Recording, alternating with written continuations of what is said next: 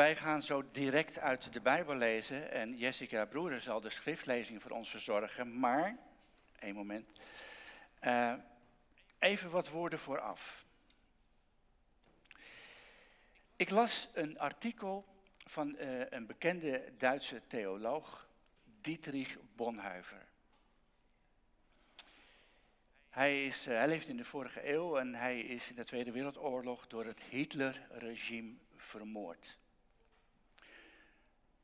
Belangrijke man, want theologen vandaag de dag moeten voor hun studie nog steeds over hem leren. Hij merkte dat in zijn tijd in veel preken dingen werden gezegd die de mensen heel graag horen. En hij vond dat een valkuil. Een valkuil. Want dan wordt er minder gepreekt over dingen die de mensen niet zo graag horen. Over lastige Bijbelgedeelten. Bijvoorbeeld over de wraak van God. Over Gods toren over de zonde of de uitroeiing van alle vijanden van Israël. Nog maar niet te spreken over de duivel en de hel. Lastige stukken en we horen het niet zo graag. Resultaat, zei Bonheuver, is vaak een boodschap waarin we er heel redelijk afkomen. Als je in God gelooft, komt het zo goed met je. Een boodschap waar we wel wat zonde doen, maar niet door en door zondig zijn. Laat staan, zoals in de oude catechismus werd genoemd, dat we geneigd zouden zijn tot alle kwaad. Dat klinkt niet prettig. Want wij willen een blijde boodschap horen. Daarvoor zit je hier toch?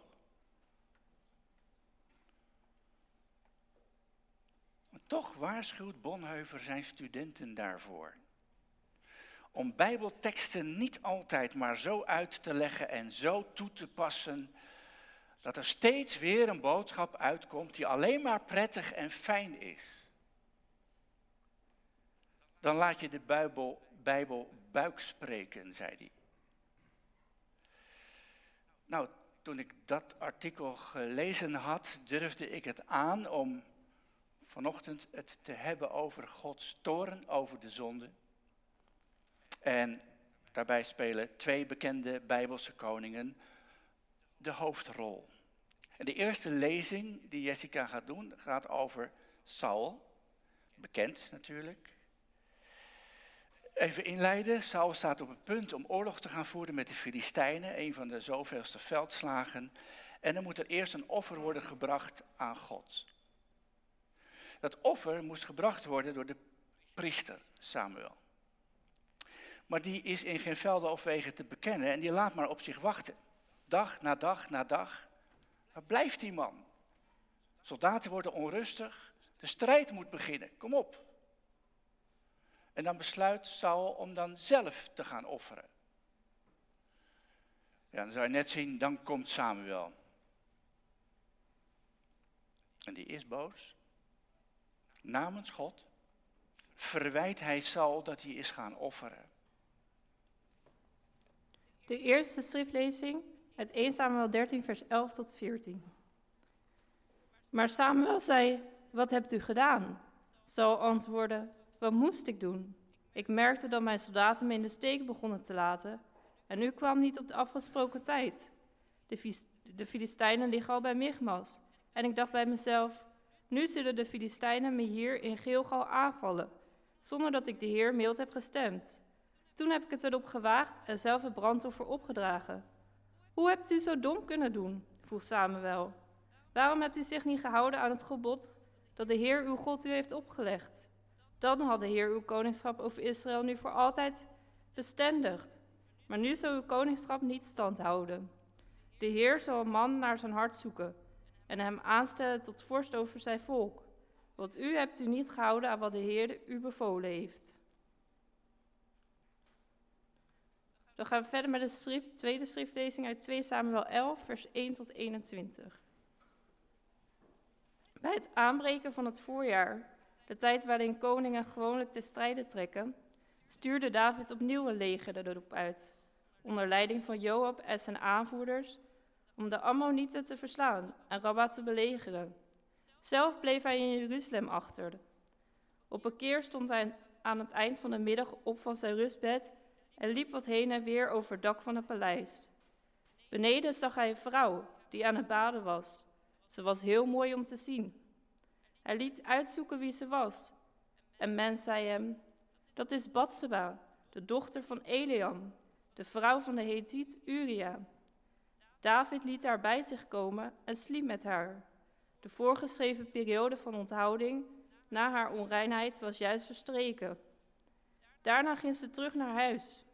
En enige tijd later merkte ze dat ze zwanger was.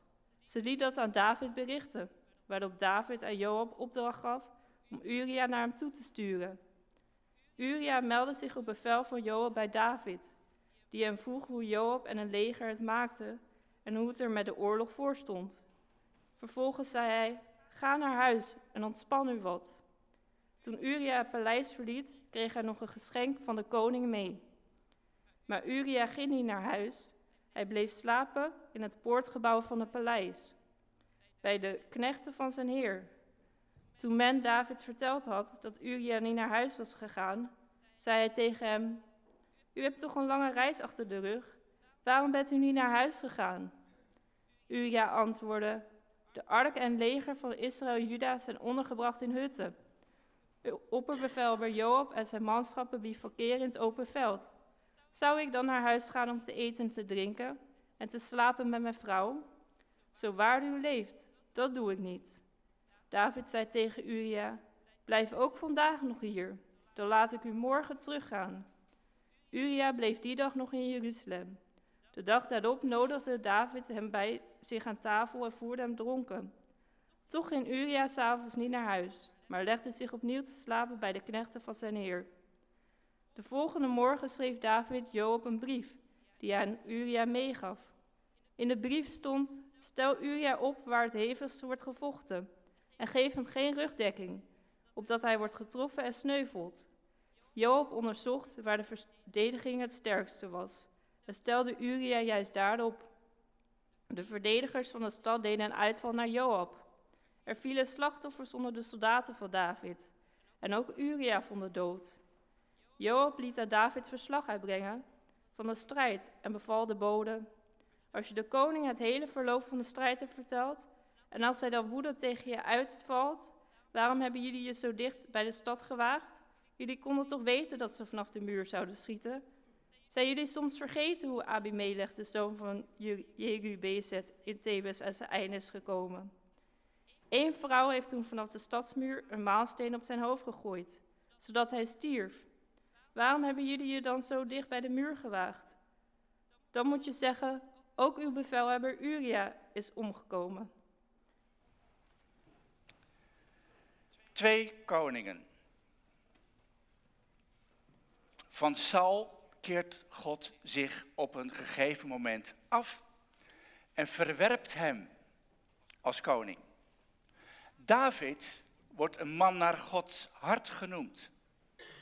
Waarom is dat? Was David een beter mens? Was David geloviger dan Saul? Van het persoonlijke geloof van Saul weten wij niet zoveel. Van David wel, veel zelfs. Hoe dat komt? Omdat David veel psalmen heeft geschreven en ons daarmee een inkijkje geeft in, in zijn geestelijk leven. En dat wisselt nogal, eerlijk gezegd. Van liederen over moeite en vervolging door zijn vijanden tot een uitbundig loven en prijzen van de Heer. Van vragen zoals God, waar bent u? Als de nood zo groot was. Tot het uitspreken van een onverwoestbaar vertrouwen op God. Een voorbeeld van dat vertrouwen dat is misschien het enige verhaal wat ze kennen, de kinderen, over David, maar is dat met die reus Goliath. Je moet het maar aandurven. Geen wapenuitrusting, maar God gaat met mij mee. Ook Davids moraal is nogal eens aan verandering onderhevig.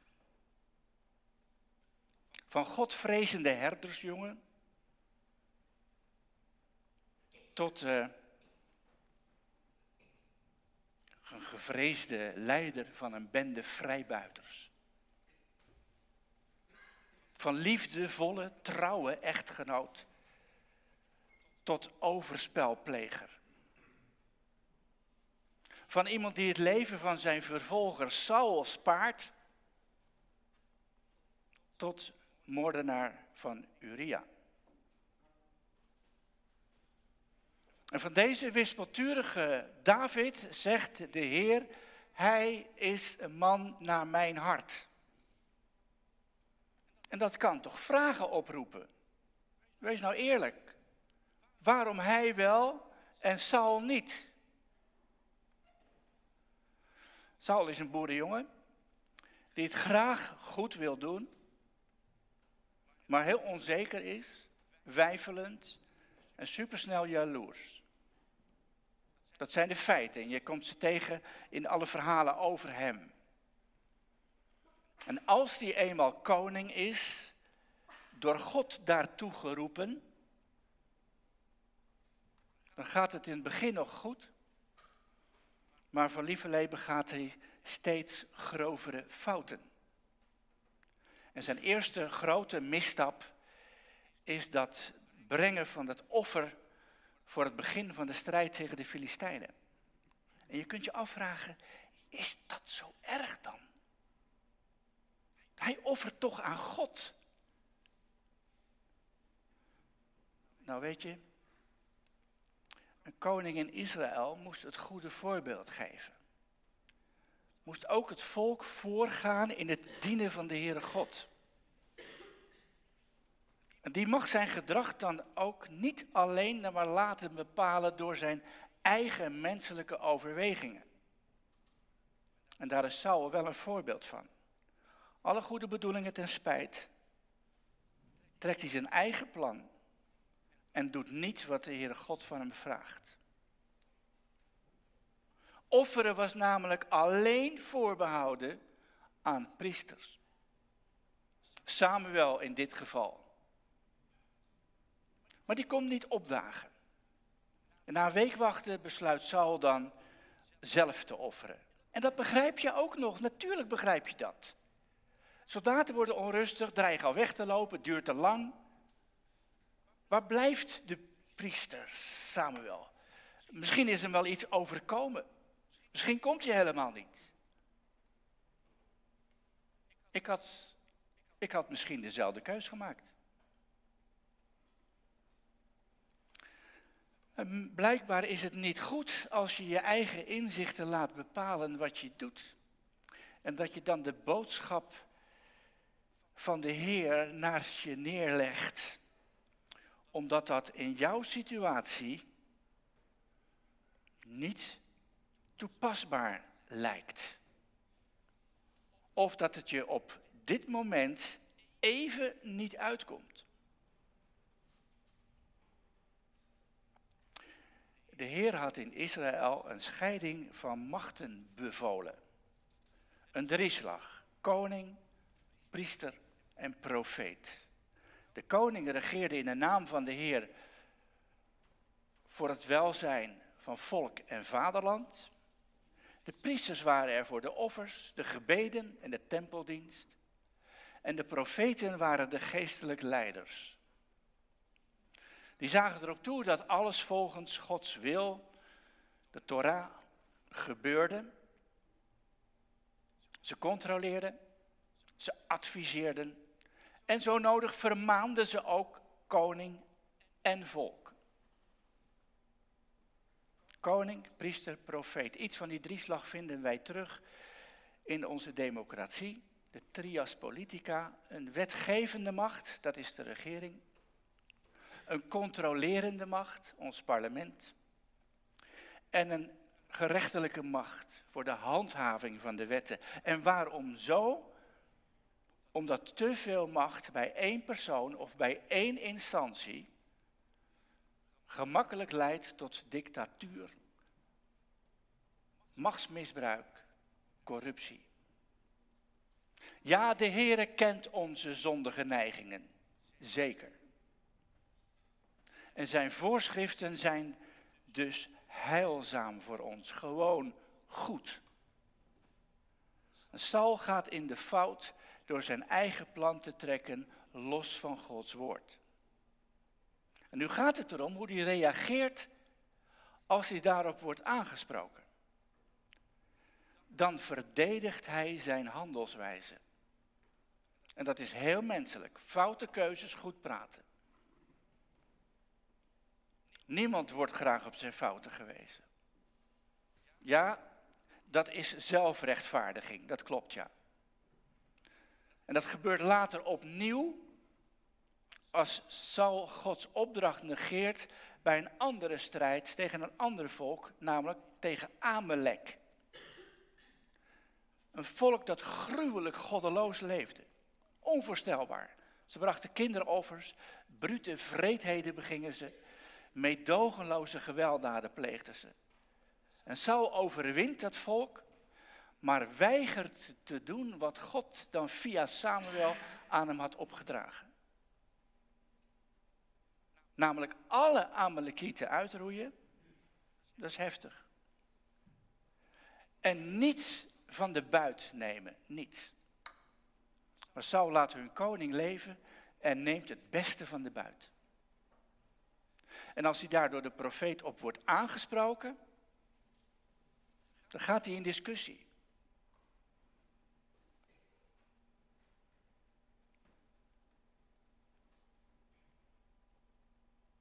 Hij rechtvaardigt opnieuw zichzelf. En hij accepteert Gods straf niet.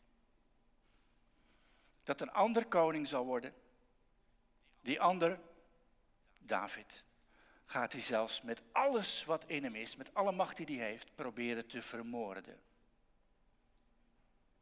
Nu David. David heeft zijn oog laten vallen op een vrouw van een van zijn officieren. Ze heet Bathsheba. En hij laat haar bij zich komen. En ze belanden in bed. Ja, dat is overspel. Gepleegd door de koning die het morele voorbeeld dient te zijn voor zijn volk. Pas als David hoort dat ze zwanger is van hem, beseft hij dat hij een probleem heeft. Een heel groot probleem. Zijn officier, Batsabe's man Uria, vecht al maanden voor hem aan het front. Dus als de zwangerschap straks zichtbaar gaat worden, dan weet iedereen dat dat niet van Uria is. En men weet ook dat deze dame door de koning in het paleis is uitgenodigd. En één en één is twee. En dan verzint David een smerige list. Hij laat Uria voor overleg naar het paleis komen en hij wil hem overhalen om de nacht thuis te slapen. Dan zullen de mensen denken dat dat het moment is dat zijn vrouw zwanger is geraakt. Maar dat plan mislukt. Trouw aan zijn missie en zijn kameraden aan het front, weigert Uria tot twee keer toe om thuis te gaan slapen. Ja, en dan ziet David geen andere uitweg dan hem te laten sneuvelen door hem op een plek te laten vechten die niet bij een officier past. Waar het voetvolk van het leger vecht en waar de meeste doden vallen. Ja, ook Uria. Het bedekken van de ene zonde veroorzaakt een andere, nog grotere zonde. Overspel gevolgd door moord. En dan hebben we het nog niet eens gehad over Davids gespeelde krankzinnigheid toen hij bij een Filistijnse koning schuilde. Het vele bloed dat hij aan zijn handen had als hoofdman van een bende vrijbuiters. Een volkstelling die hij nooit had mogen houden. En zijn eigen opvolging die hij niet goed en op tijd heeft geregeld. Saul en David, twee gelovige mannen. Allebei gezalfd tot koning. Allebei de Heilige Geest ontvangen. Allebei door de Here uitgekozen om in zijn naam het volk te besturen. Allebei met een morele voorbeeldfunctie voor het volk. Zoals trouwens elke gelovige die heeft, die morele voorbeeldfunctie. In je gezin, in je bedrijf, je organisatie waarvoor je werkt. Allemaal hebben we verantwoordelijkheid voor mensen of dingen, denk ook aan het milieu, die aan ons zijn toevertrouwd. Als leidinggevende heb je afgeleid gezag van God. Je vertegenwoordigt de Heere God in jouw leefomgeving. Gods geest wijkt van Saul en dan zie je zijn karakter zich verder ontwikkelen in een neergaande spiraal. Het wordt steeds erger. Steeds erger. Hij wordt stressgevoeliger. Hij wordt depressiever. Hij gaat steeds meer lijden aan paranoia. Overal ziet hij vijanden, gevaar. Hij laat 85 priesters afslachten omdat ze David hebben geholpen bij zijn vlucht voor Saul. En uiteindelijk eh, zoekt hij zijn heil in het occulte, bij een waarzegster. Gods geest is niet meer bij hem. Een koning door de Heer verworpen. En ook David ontvangt straf, omdat hij door dat gedoe met Bathsheba en Uria de Heer heeft veracht. Dat staat er letterlijk, weet je dat? Hij heeft de Heer veracht. Dat is nogal wat.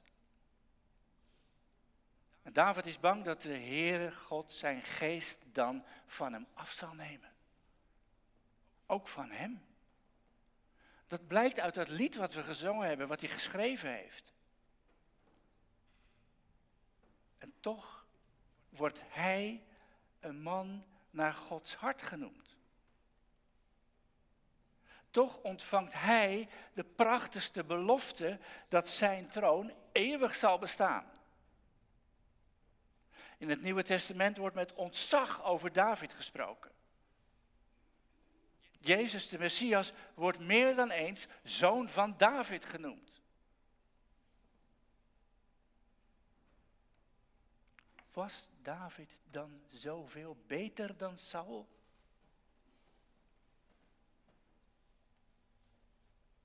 Op basis waarvan kiest God nou voor David als zijn oogappel, terwijl hij ook verschrikkelijke dingen heeft gedaan?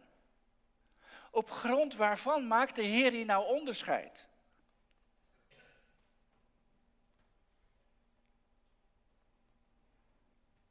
Discrimineert God hier niet? Of heeft dit alles misschien iets te maken met de uitverkiezing? De Heer die at random kiest voor de een en de ander op voorhand verwerpt? Nee, absoluut niet. De Heer kiest niet at random. De Heer heeft gekozen voor David en voor Saul. Allebei zijn ze gezalfd. Allebei hebben ze de Heilige Geest ontvangen. En in Christus heeft Hij ook voor jou en voor u en voor mij gekozen. En mogen ook wij Zijn geest ontvangen hebben. In ons.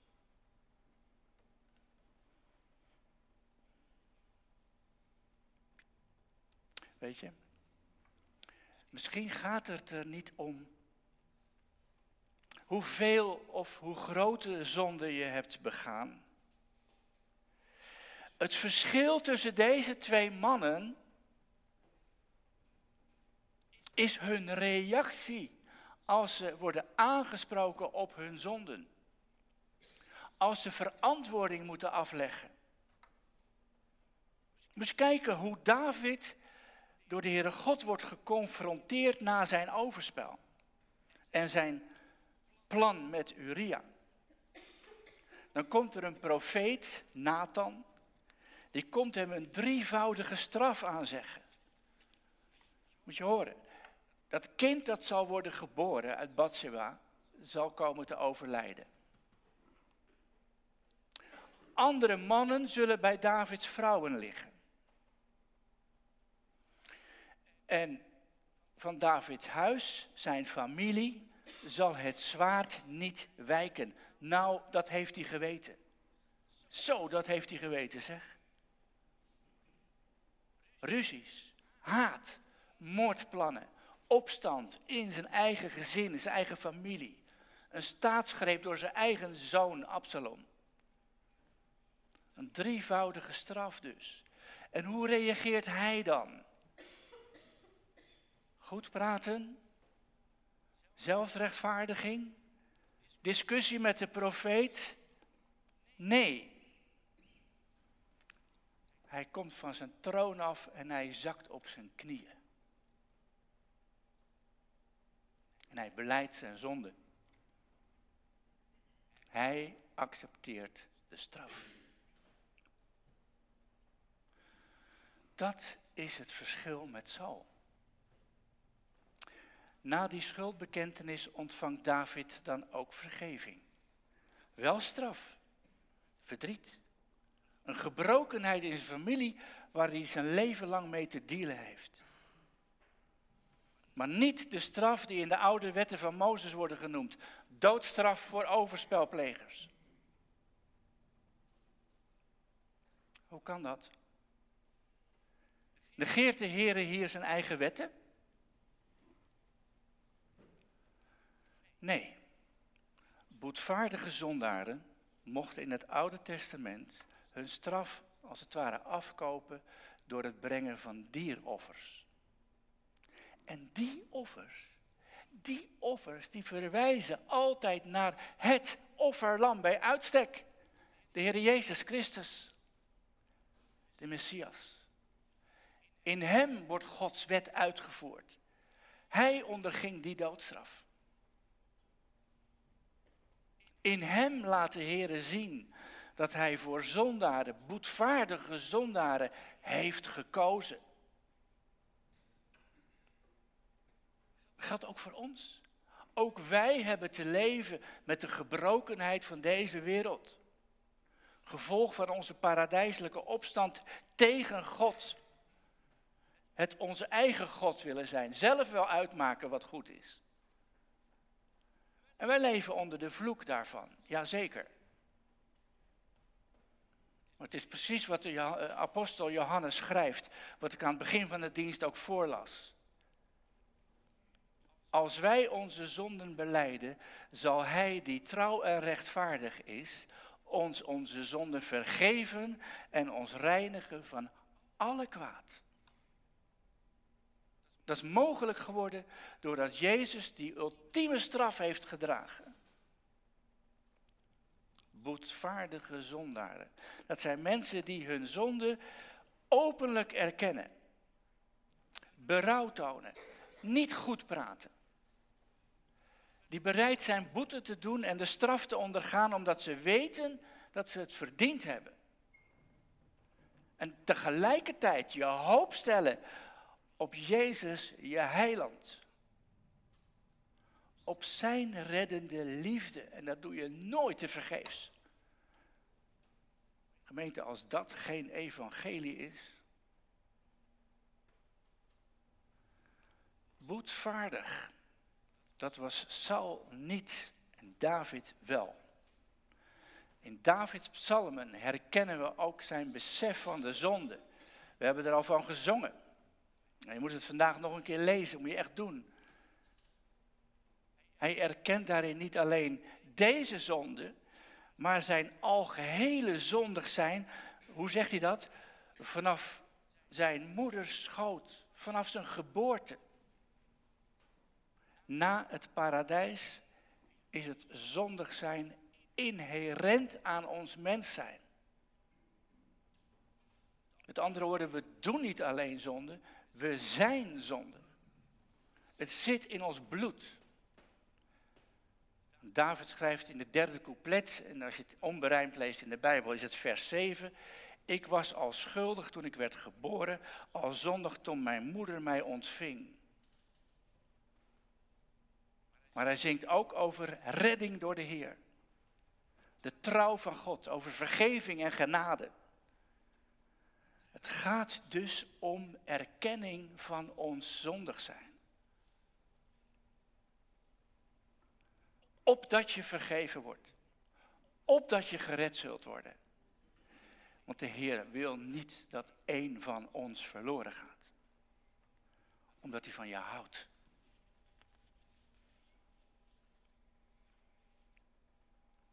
De Heer had zijn geest van Saul weggenomen. David smeekt, neem uw geest niet van mij. Dat is dezelfde geest die met Pinksteren is uitgestort in de gemeente. Het is dezelfde geest die in u, in jou en mij, als we ons leven aan Jezus overgeven en Hem erkennen als Zoon van God, onze Heer, die het voor het zeggen heeft in ons leven. Die geest wekt het verlangen op om naar Gods wil te leven. De geest roept de passie in ons op, geeft je liefde voor het woord van God. En de geest met dat woord geeft je de kracht om nee te zeggen tegen verleiding en zonde. Omdat die niet meer passen bij je status als kind van God. De geest met dat woord geeft je de kracht om eigen, over je eigen grenzen heen te stappen, waar het gaat om goed te doen aan een ander. De geest met het woord manifesteert zich ook in bijzondere krachten in de gemeente. Ja, we zijn het misschien niet zo gewend, maar het is wel degelijk wat de Bijbel zegt. Profetie, genezing, bevrijding en nog veel meer dingen. Zouden we ons daar niet meer naar moeten uitstrekken?